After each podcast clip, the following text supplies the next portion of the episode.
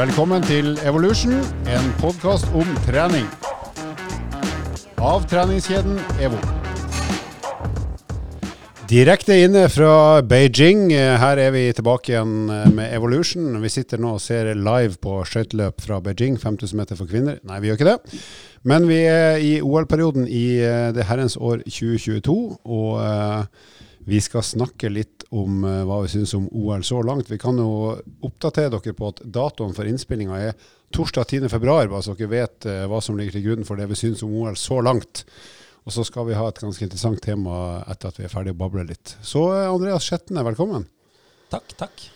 Og Lars, velkommen. Hjertelig takk. Bare trivelig. Eh, hva syns dere om eh, de olympiske vinterleker so far? De eh, har stått til forventningene. Det er mange øvelser på få dager. Det er forventningene. Uh, nei da, jeg er jo sportsidiot, jeg, så jeg elsker jo uh, at det går sport nesten hver dag. Og spesielt med stor grad av betydning for de involverte. Men uh, det er jo jeg må, jeg må jo si at det er jo bildene fra Beijing viser jo, i hvert fall sånn type langrenn og skiskyting, at det, det, bærer jo noe preg av noe pandemi. Det, de har i hvert fall bygd noen latterlig store stadioner som de ikke skal få brukt i ettertid, tror jeg. Ja, det ser vel ikke ut som det er majoriteten av det kinesiske folk, som riktignok er veldig mange, da, har tenkt å gå så mye på de, i de løpene etterpå, tror jeg. Nei, jeg håper jo ikke det. Og med 225 høydemeter på 5 km, så passer det jo ikke for de som er veldig Det er ikke nybegynnerløype? Nei, det er ikke det. det er ikke Skal det. puste godt. Men det er, jo, det er, jo, enda et godt eksempel på at vi legger OL eh, på feil eh, kontingent, for å si det veldig enkelt. kontinent. Kontinent, ikke kontingent, ja. Men, konti men kontingenten for å få lov å arrangere tror jeg er ganske høy. Så det var kanskje derfor Kina Fikk det. Ja. Det koster litt. En digresjon er eh, fra Sør-Korea, altså der eh, fartsdisiplinen var i Sør-Korea. Altså etter OL så ble alt rigga ned. De hadde bygd et uh, sjukt hotell, uh, spa-hotell, uh, fantastisk hotell hvor vi bodde. Med etter OL, stolheis, alt gondol nedrigga og vekke. Såpass. Så, um, Ligger på finn.no fortsatt, eller? Ja. Eller kanskje ikke .no, men .sk? Det er pga. et tre som var faktisk et sånt jomfrutre. Så hvis du, hvis du, var borti det treet, så ble du gravid. Det er ikke kødd engang. Overtroiske sørkoreanere. Og så kan de liksom ikke ha pakka det opp igjen fra forrige gang heller, fordi de brukte ikke stolheis i Seoul. Som var OL i 88? det er ikke noe vits å ta vare på stolheisen og gondolen til neste gang. Liksom. Hva husker dere fra OL i 88, da? Når vi først i gang med slikt? Jeg, jeg, er født i 88, så jeg har ikke veldig mye kjennskap. Men jeg tror jo, hvis ikke jeg husker feil, så er vel det et håndball-OL, er det ikke det? Ja, sølv, vel. Det er vel da sølvlaget Det var vel da æraen til norsk håndball starta? Ja, jeg starta i VM i Nå er jeg litt sånn dust her, men det var vel i VM 86 når de tok bronse, vel. Mot gamle DDR. Og så var det skyting. Skyting og Tor Heistad, villskyting på løpende villsvin. Løpende villsvin. Men det som verden husker best, var vel at han Ben eh, Johnson ble tatt i doping etter å ha løpt utrolig fort på 100 meter. Ja, han, han løp så fort som doping kan. Ja, Så det, det husker jeg, for jeg var jo allerede den gang over 40 år. Du var til stede? Jeg var til stede. Jeg kvala faktisk ikke til mer enn kappgang. Jeg ble diska etter sju kilometer. Prøvde du deg som løpende villsvin? Jeg løp som en gal og ble diska etter sju kilometer. Prøvde deg som løpende villsvin, kom ikke inn. vi hadde jo en liten tipping på antall gullmedaljer. Ja. Husker vi hvordan vi ligger an? Ja, I og med at vi ikke er ferdige ennå, så vil jeg si at alle tre ligger, ligger ganske godt an. Men uh, ja, hvem var det som var mest optimist av oss? Jeg var veldig optimist. Ja. Jeg sa vel 19, tror jeg. 17 eller 19.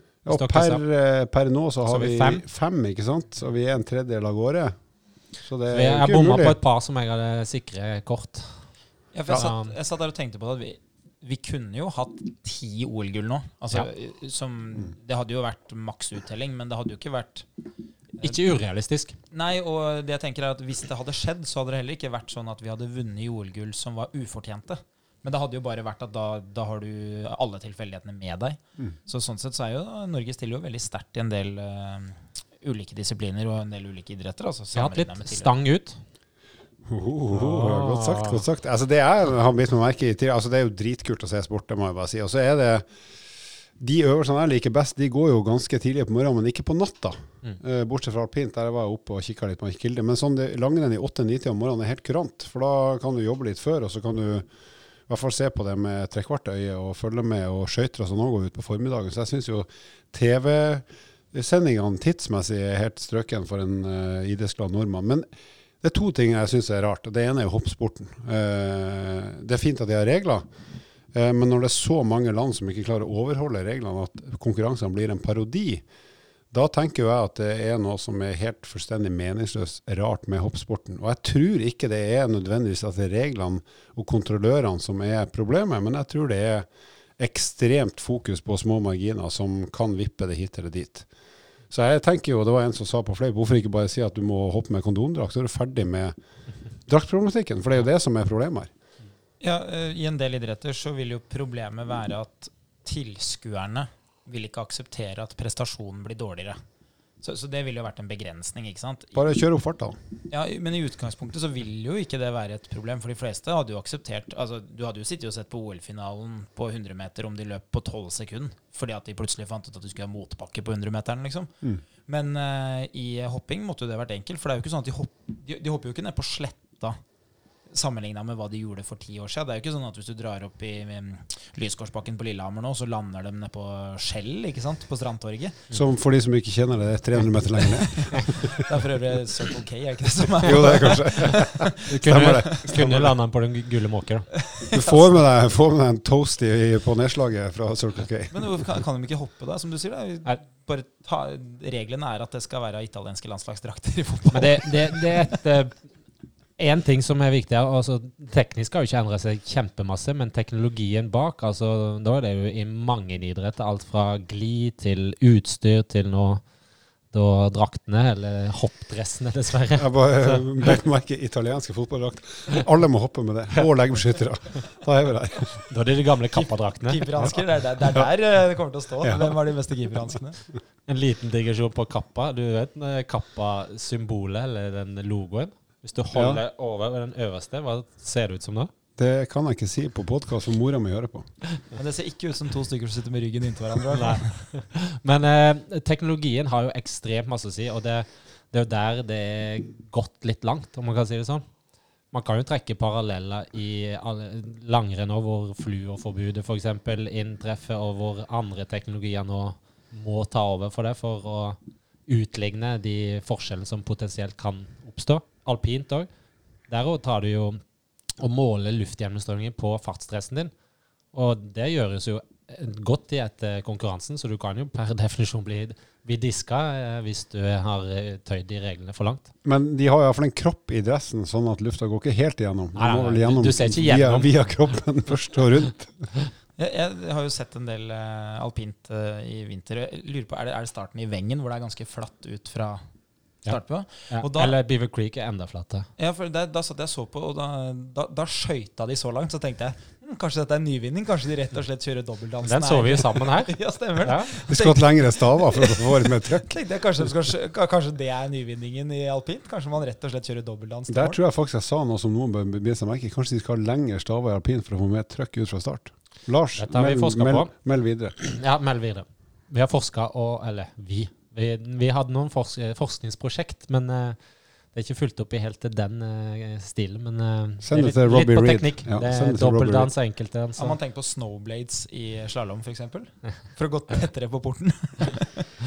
Du verden, folkens. Nå tar det fullstendig av her. Veldig gøy. Jeg må ja. si en ting, og det er jo for eksempel sånn som curling, som, som jeg bet meg merke fordi det er et kjæreste eller et ektepar eller et samboerpar. Et foreløpig ektepar. Ja, for, ja, Jeg har diskutert høylytt. Men det, det, at de klarer å karre seg medalje der, syns jeg òg Det gjør jo at vi tenker litt tilbake til den eh, blesten curling fikk med de klovnebuksene og Pål Trulsen og Dårlig Nordby som uh, som eh, ble jo noen karakterer bak den sporten her. Men det mest imponerende med curling, syns jeg, akkurat denne prestasjonen der, Norge tok sølv i miks, det er jo at det ekteparet fortsatt er ektepar. Når du hører hvordan de kommuniserer såkalt live på TV til hele verden, så skjønner jo ikke jeg hvordan de kan være sammen døgnet rundt eh, som såkalte kjærester. For hadde jeg gjort 1% av det hjemme, selv om jeg har prøvd, så hadde jo jeg røket rett ut. Kanskje begge er døve. Kanskje det er det som er forklaringa.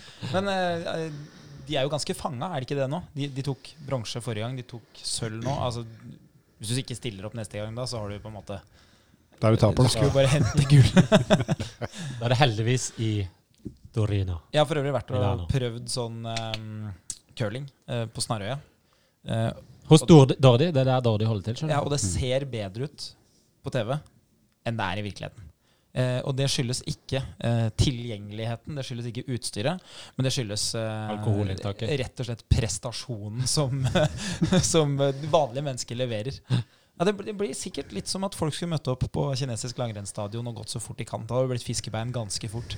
Altså, De der curlingsteinene de, de bare hamrer jo i veggen bak der. Det er jo ikke én eneste stein som har tenkt å legge seg inn i boet. Altså, Glem boet. Det er jo eh, bare å komme seg av isen, så ikke du knekker beina. Det er veldig mye vanskeligere å se brukbar ut i curling enn i bowling f.eks. Ja, det Men det er gøy, da. Men hadde ikke curling vært gøy. bedre hvis det var som bowling? Hvis det bare var mulig å sende det ned i renna og få tilbake steinen på andre sida? og få to forsøk på hver stein. Eh, vi skal videre. Vi skal faktisk til denne episodens tema, og det kommer om sju sekunder fra nå.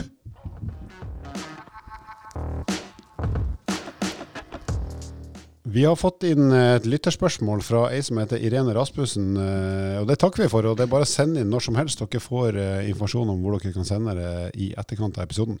Hun skriver Jeg er 60 år og har begynt å trene styrke. Jeg skulle gjerne hatt mer kunnskap om hvor viktig det er for oss over 60 å få inspirasjon inn dette temaet godt med, som gjelder godt voksne og styrketrening. Hvilke øvelser bør prioriteres? Bør man ta styrke før eller etter kondisjonstrening, og all annen informasjon som kan være verdt å ta med seg på veien. Så det er jo litt kult å høre at uh, Irene her, og sikkert forhåpentligvis mange med hun, uh, har begynt å trene styrke, selv om de da er per definisjon det vi kaller godt voksne. Og da sier jeg vi, for at eh, jeg er jo også da i den kategorien der, sammen med deg, Irene. Du abonnerer vel på det Vi over 60-bladet? Ja, og når det kommer vi over 70, som ikke er så lenge til, da skal jeg ha det òg, tror jeg. Eller det er kanskje samme gruppe, det? Ja. Abonnerer du også på det bladet som heter Vi menn? Eh, nei, alle menn. For der er det mer eh, eh, damer og hud, er det ikke det? Ja.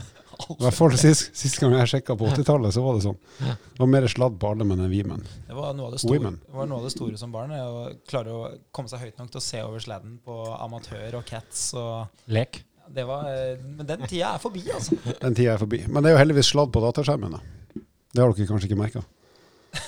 Det på din. Da må du se på baksida. Må snu PC-en.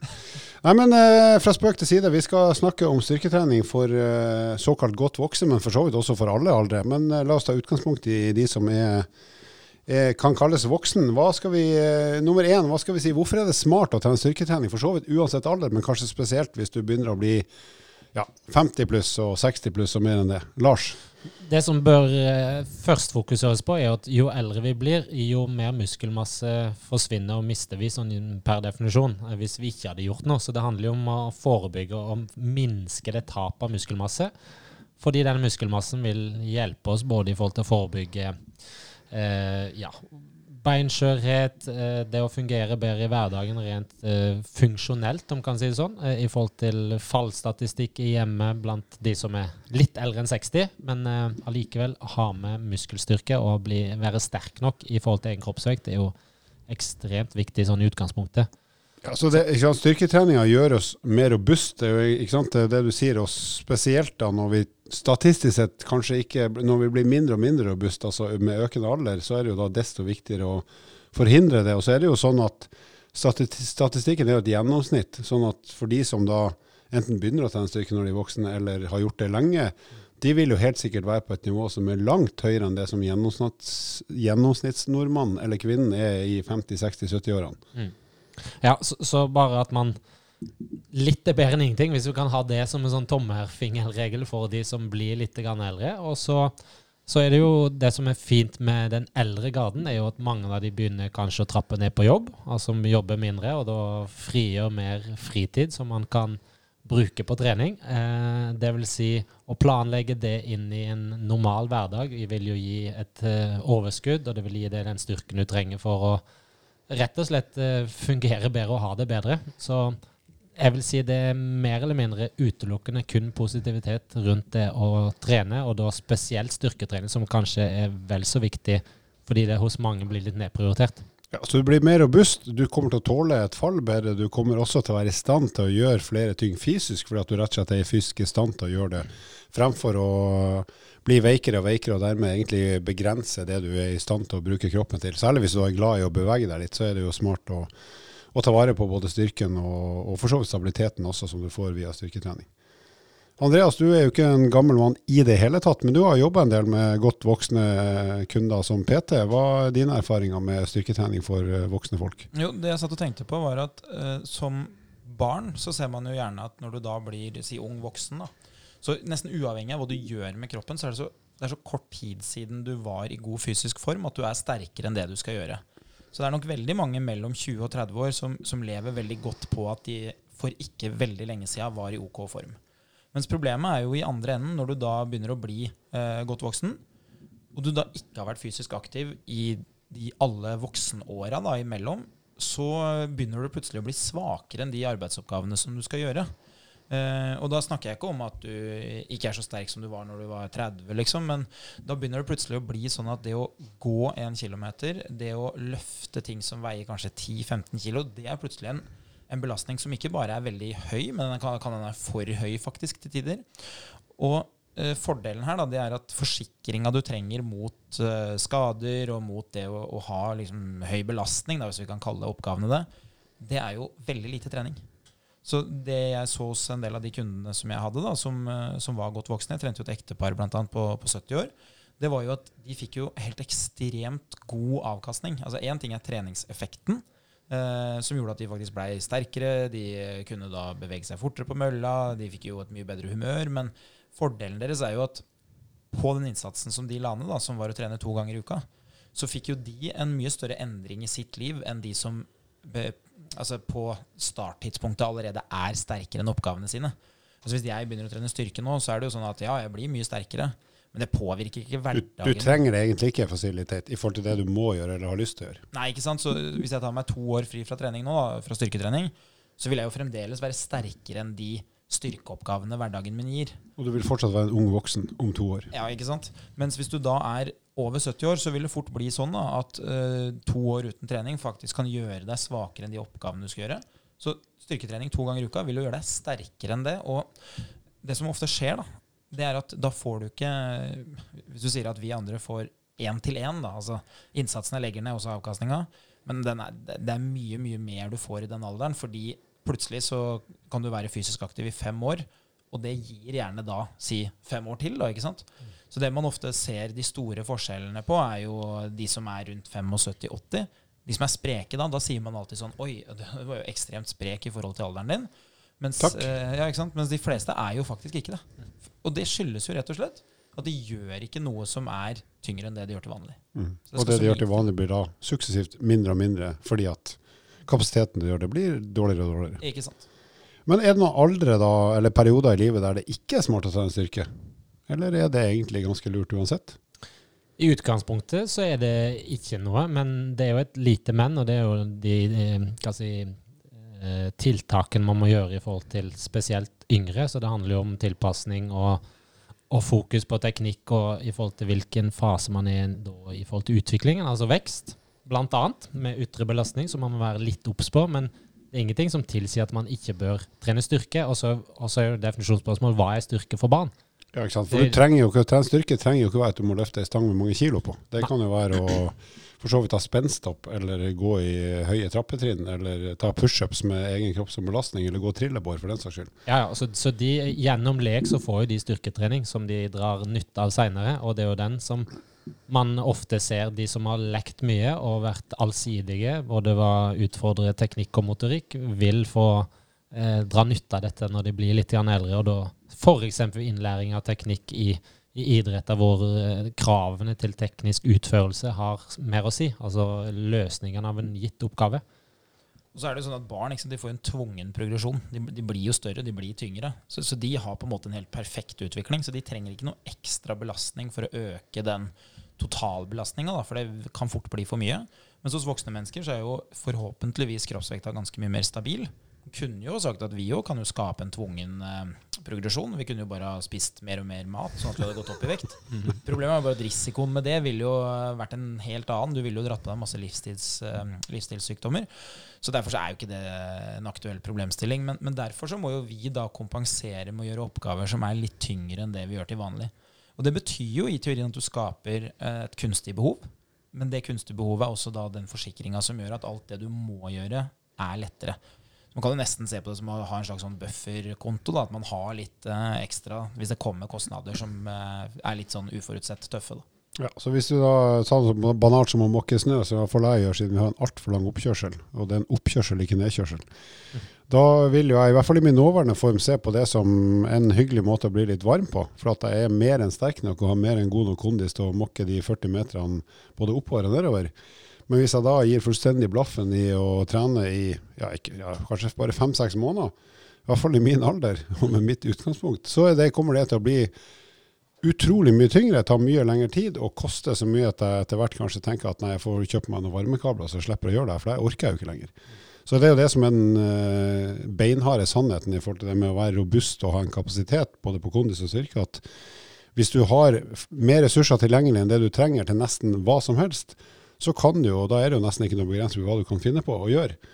Men hvis du har en sånn kapasitet som nesten ikke skal ha noen ting før du når på maksnivået ditt, så er det jo veldig lite etter hvert du er i stand til å gjøre, og, og færre og færre, og flere og flere ting bare ramler bort. Og til slutt så ender du opp med å gjøre nesten ingenting. Da. Og det er jo kjipt. Det er veldig kjipt. Og så skal vi jo ikke glemme at det der med, med altså, trening er ferskvare. Så på et eller annet tidspunkt så må det jo vedlikeholde, og det hadde vi, pratet vi om uh, i, for noen episoder siden. altså det med en tredjedel av det du vanligvis gjør, er nok til å vedlikeholde både styrke og kondisjon, sånn i utgangspunktet. Og så er det jo alltid et utgangspunkt, fordi noen trener mer enn andre osv. Eh, og så må man prioritere hva som er viktigst for én. Men jeg tror utgangspunktet, for å være veldig konkret, så tror jeg alle har godt av å trene styrke. Om man eh, ja, inaktiv eller veldig aktiv, for å si det sånn. Så det, ja, så er det ett poeng til i forhold til det her med Hvis vi, kaller, hvis vi holder oss til tradisjonell styrketrening, nå snakker vi om voksne ungdommer og voksne. Uh, uansett alder, så er det jo sånn i hvert fall når du begynner å ha god teknikk og god kontroll i bevegelsene, og gjør de uh, med ganske bra bevegelsesutslag, så vil jo styrketrening også på mange måter være en slags indirekte måte å trene bevegeligheten på. Altså opprettholde leddutslagsmuligheten både i ankeledd, kneledd, hofteledd, som bl.a. jeg har jo merka mye sjøl at etter passerte 40 så er min bevegelighet bedre nå enn den var både 15, 20 og 25 år. fordi at selv om jeg ikke løfter så tungt, så, så uh, gjør jeg ganske kraftige leddutslag som gjør at bevegeligheten min i de leddene der faktisk nå er bedre enn en det var tidligere. Du er ganske høy, vet du, så det er langt ned tilbake. Og jeg blir stadig høyere. Jeg blir eldre og høyere. Jeg er snart 1,92. 1,92? Altså det er jo Jeg er bare 1,89,5, da, men altså snart. Hvis jeg holder progresjonen, så er jeg 1,92. Ja, du, I hvert fall eh, stavlengden din tilsier at du er veldig høy. Du, Rekorden altså, til han Haugland det er i høydehopp. Du jukser jo i, eh, jukser jo i stavlengde, derfor er du god til å stake for øvrig. Bare så jeg har sagt det her på tape. Ja, det blir ikke klippa bort. Så hvis noen på Birken her bestemmer seg for å sjekke det når du kommer i mål, så er du rett ut. Jeg er så dårlig at ingen gidder å sjekke likevel. Det er det som er problemet. Men uh, en ting som er litt sånn greit, da, det er jo hva, hva skal man trene? ikke sant? Si uh, at man er uh, eh, 20 år, man er 40 år, 60, 80. altså Hva er det man skal trene? Man tenker ofte sånn at ja, det er forskjellig. ikke sant? Det er forskjellig trening som er riktig i forskjellige aldersgrupper. Og Det samme er jo når du jobber som personlig trener, og det kommer noen inn, og så er det jo vanlig blant PT-ene å spørre ja, hva er det du ønsker å ha fokus på. Og så sier folk ja, dette her er det jeg ønsker fokus på. ikke sant? Det er viktig for meg. Men uh, i mitt hode så er det jo egentlig motsatt. Første spørsmålet er oppfyller du minstekravene til uh, fysisk form. Deretter, hvis du gjør det, ja, men da kan du få lov å velge. Så, så om du kvalifiserer til å velge, det, det, vil vi egentlig kunne se ganske kjapt. Og da mener jo jeg sånn uh, helt oppriktig at alle mennesker egentlig trenger det samme. Hvis vi da ikke snakker om barn, men vi snakker om voksne mennesker.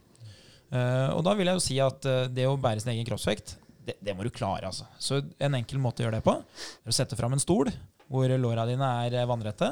Og Hvis du da klarer å reise deg ti ganger fra den stolen, da, da begynner vi å snakke om at ok, men da, da, har du ganske god kontroll på kroppsvekta.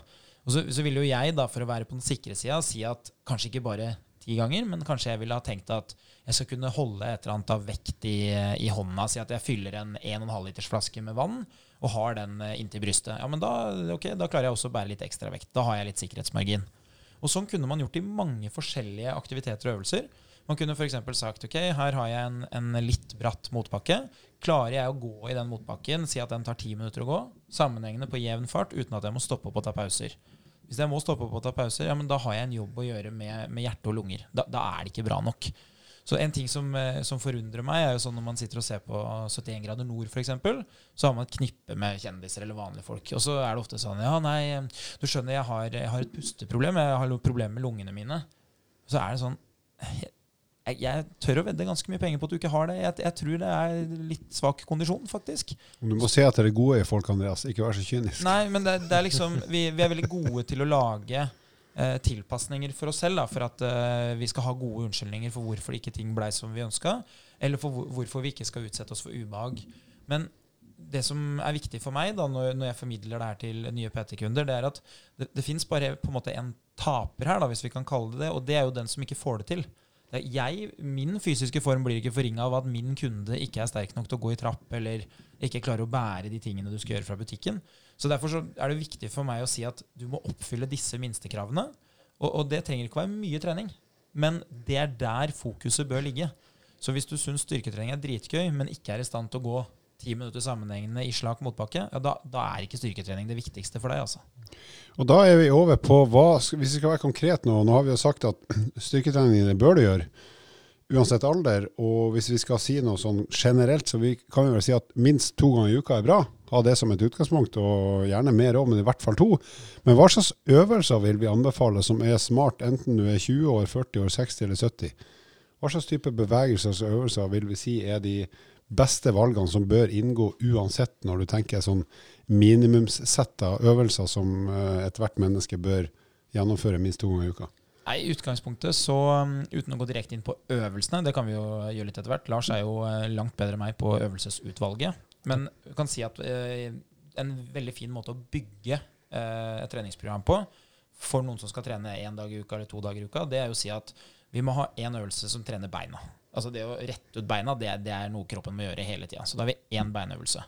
Og så bør vi ha en øvelse hvor vi trekker noe imot oss. Og så bør vi ha en øvelse hvor vi dytter noe fra oss. Da har vi tre øvelser. Det må inngå i alle treningsprogram.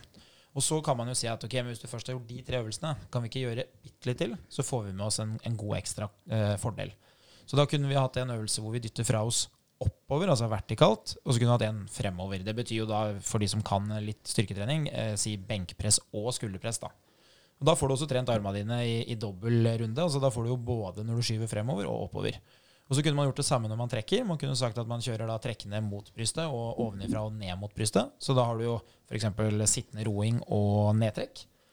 Og da har vi fem øvelser. Og så kunne du sagt ok, men eh, jeg skal gå litt med sekk, eller jeg har noe ting jeg skal bære og sånn. Ok, men det er ryggen og magen da, som må stabilisere overkropp, underkropp. Så kanskje jeg skulle hatt én mageøvelse, og så kunne jeg hatt uh, en eller annen ryggøvelse. Da har du sju øvelser. Da mm. har du egentlig trent altså, Da har du fått tak i det aller meste som betyr mest bestandig. Ja, og hvis du ganger det med antall sett og repetisjoner, hvis vi skal gi et godt, konkret eksempel der òg, så er det mellom tre til fire serier, sånn litt røftlig, og med et sted mellom si 8 til 20 repetisjoner, avhengig av øvelsen, så dekker du både det å bli sterkere, kanskje få litt mer muskelmasse, som igjen kan føre til at du blir litt sterkere, og ikke minst at du får en viss muskulær utholdenhet, at du kan gjenta de repetisjonene mange noen ganger. Det å reise deg opp og ned fra en seng eller stol, eller hente bæreposen x antall ganger fra gulvet osv. Så, videre, og så, så eh, konkrete beinøvelser, så vil jo det i utgangspunktet ha litt å si hvilken teknikk man har. Eh, det vil si hvis vi skal velge litt mer det vi kaller komplekse øvelser, hvor det er flere ledd involvert, ankelledd, kneledd og hofteledd som et utgangspunkt, og så må man stabilisere det som da påvirker overkroppen vår, altså ryggraden vår. Igjen involvere kjerne. Så kan det være en knebøyvariant som kan være veldig fint. Og et alternativ til den så er beinpress, som fins på mange treningssenter, et veldig godt alternativ hvor man kan få legge på litt ekstra belastning. For det stiller ikke så mye krav til da, det tekniske utførelsen. Det vil si balanse i hofte og rygg osv. Så, videre. så man kan få lov å strekke ut i kne, man kan få lov å strekke ut i hofte, og til en viss grad strekke ut i ankeleddet, så man får påvirka litt eh, der. Og det er jo veldig overførbart til det man veldig ofte møter i hverdagen. Alt fra å gå opp en trapp til å sette seg på do til å reise seg fra senga osv. Og så kan man jo gjøre noen øvelser på bein som da involverer litt mer én og én fot. Det vil si type step up eller utfallsvarianter. Altså Step-up kan være det å ta et steg opp, altså opp på en step-kasse som ikke trenger å være så høy. Eller en benk, f.eks. Som gjør da at du trener det vil si styrken din, den relative styrken, hvor sterk du da blir i forhold til egen kroppsvekt. Ja, man kan her òg legge på en ekstra belastning så du får en ytre belastning, og du blir enda sterkere i forhold til kroppsvekta. Mens f.eks. utfallsganger der man eh, går fremover og senker da hele kroppen ned mot bakken, og så snur man bevegelsen før man slår ned med knærne. Som kan være to veldig fine eh, beinøvelser da, å ta med seg inn i hverdagen. For disse kan du òg gjøre hjemme. Så det er ikke dermed sagt at man må på et treningssenter for å gjøre de. Nei, og det er jo veldig fine øvelser. Og um, det som uh, ofte er et sånt spørsmål jeg får, er jo ja, må jeg på treningssenteret? Men sannheten er jo du må jo ikke på noe treningssenter, egentlig. Som du sier, Lars, du kan gjøre de øvelsene hjemme. Det eneste som er vanskelig hjemme, det er jo å ha kontroll på at det jeg gjør, er enten tungt nok, eller at det da ikke blir for tungt, som ofte skjer. Og da er det jo sånn at, eh, som du nevner, beinpress. ikke sant? Det som er så fint med beinpress, det er at da kan du starte med en motstand som er kjempelett, men du kan få det vi ønsker, og det er høy ekstra belastning. altså høy ytterbelastning. Ja, du, du velger rett og slett du velger hvor mange kilo du vil presse. ikke sant? For, for målet her, da, sånn totalt sett med all styrketrening, er jo at det skal jo være vekta som er problemet ditt. Ikke egenvekt. Altså det skal ikke være kroppsvekta mi som er utfordrende. Det er jo den ekstra vekta som jeg trener med, som skal være liksom begrensninga. Ja, så tror jeg eh, mange vil ha godt utbytte av å tenke hvor tungt skal det være? Altså hvor tungt må jeg ha den ytre belastninga? Så hvis man har en sånn tommelfingerregel at man i hvert fall har to til fire repetisjoner, det vi kaller i reserve, så du vet at du har klart noen repetisjoner til, i hvert fall i en startfase og en, oppbygningsfase hvor du ikke har trent så mye før, så har du i hvert fall en veldig fin tommefinger, eller hvor tungt det skal være. Har du flere repetisjoner, du kjenner at her klarer jeg kanskje ti til, så må du legge på litt mer belastning, så du òg får utfordre deg litt. Og der skal du jo være, husk på det, folk, så må du være ærlig med deg sjøl. Ikke si at 'nei, jeg hadde bare klart to til', hvis du vet at 'nei, jeg hadde klart ti til'. Ikke sant? Så da, hvis det skal funke, så må du jo være ærlig i din egen vurdering av hvor mange flere hadde jeg klart. For Hvis du er det, så er det helt strøken som lar seg to til fire i reserve. Da, da trener du med god belastning for at det skal skje noe positivt. En, eh, en ting som jeg har brukt en del på, på helt utrente, da, for å liksom kontrollere at vi er sånn tålige på riktig belastning, det er at i en del av de litt sånn enklere øvelsene hvor det ikke er stor risiko altså eh, Vi snakker ikke om knebøy med stang på ryggen. Vi snakker f.eks. om nedtrekk eller øvelser som vi vet at det ikke er så farlig at det blir for tungt i. Så spør jeg av og til tror du at du klarer alle repetisjonene uten pause. Hvis vi vanligvis da sier at vi tar ti stykker, da, så gjør vi det tre ganger, så sier vi tror du bare klarer å ta 30 nå. Uh, og da hender det jo at noen sier eh, ja, det tror jeg at jeg skal få til. Og så prøver vi. Og hvis de får til det, så vet vi at det er for lett. Så da må vi gjøre det tyngre. Mens motsatt, hvis de da bare klarer 21, så bruker jeg gjerne den ene øvelsen til å vise de hvorfor det er smart å ha et system hvor de da gjør f.eks. tre ganger ti repetisjoner. For da sier jeg at nå fikk du da 21, men vi hadde fått 30 hvis vi hadde delt opp. Så da, da får man en liten lærdom i det, og man får en kontroll. Så av og til så kan det være som grei måte å sjekke at ok, men dette er faktisk riktig belastning. Og så er det, jeg slår et slag for uh, de musklene vi ikke ser synlig i speilet, og det er jo baksida vår. Eh, der er det heldigvis. Heldigvis. Og der er det viktig at vi ikke glemmer det som har med setemuskulaturen og baksidelår, som hos mange er ofte litt nedprioritert, og som man ofte kanskje føler seg litt stram i, dvs. Si litt dårligere bevegelighet. Det å stå oppreist og ta hendene i bakken, det Nå ser du på meg hele tida, Lars. ja, det er vi over 60. Som ikke har rumpe. Ja, ja, hull i ryggen. De, ofte så vil jo de ha problemer med å gjøre den bevegelsen. Der er det jo individuelle forskjeller for hvor høy du er osv. Men det å styrke opp baksida, og samtidig tenke litt bevegelighet, at man òg ikke glemmer den muskelgruppa der, for den vil jo tighte seg. Jo mer du sitter i sofaen, jo mer du ligger, jo mer du sitter i bilen, jo mer du sitter på sykkelen, sånn som et utgangspunkt, så vær så snill å prioritere å trene litt baksidelår, og det kan være alt fra sittende i maskin til, eh, til eh, liggende legkøller. Altså man kan bruke gryteklut eller sklimat eller ullsokker der man sklir med hælene vekk fra rumpa, og så trekker de inn igjen mot rumpa. Så der er det å google seg frem, så er det masse fine alternativ for den gruppa som heter hamstring. Så eh, med det sagt, Lars slår da et slag for både rumpe og bakside lår. Yep. Bakside rumpe og bakside lår, selv om rumpa bare er bak. Eh, så da skal vi avslutte, men jeg vil da eh, bare trekke fram eh, en digresjon Andreas hadde på starten, når vi bare babla. Det var det her med at skihoppere nå burde begynne å At alle skal hoppe i italienske landslagsdrakter i fotball. Det hadde vært Det er et bilde jeg har hatt med meg hele sendinga. Det har kanskje påvirka mitt bidrag, men det syns jeg er et så godt forslag at jeg gjentar det her. Da får vi håpe at det ikke blir som Totti med korte sokker, for det må bli kaldt i Beijing. Altså. Så kommer det an på om man har mage eller ikke. For det er ikke like pent med de som eh, faktisk har litt i kropp. De har jo faktisk ikke mage, skihopperne. Nei, skihopperne har like lite mage som har rumpe. Ja, Det men det, det, de, da snakker vi ikke om sånn mage som folk tror nå. De, de er så tynne at de har nesten ikke mage, de. Oppblåst. Men du, jeg må bare si en ting, og det som er litt gøy med Irene, er at hun trener jo med en av våre personlige trenere i EVO, eh, Silje på EVO på Årvoll. Ja. Og skryter veldig av henne, så det er viktig å, å fremsnakke litt. Hun er, er fornøyd og er, er i gode hender ivaretatt med, med det som gjelder da, styrketrening. Jeg tipper det er det de jobber mye med på, i de PT-timene der. Så Ja, og det er også et tips hvis du tenker ja, styrketrening, det burde jeg gjort, men hvordan verden skal jeg få til det? Da går det an å spørre om hjelp, få tak i hjelp. Det kan være en personlig trener eller en, en bekjent du har som kan hjelpe deg i gang. Det er alltid smart å få hjelp av noen som kan noe du ikke sjøl kan, for da går det mye fortere å få det til. Ja, bare ikke dropp det. Det er det som ofte skjer. Og med de bevingede ord og italienske fotballdrakter i Beijing, så sier vi hasta la vista. Vil du vite mer om trening, abonner på podkasten og sjekk ut vårt treningsmagasin på evo.no.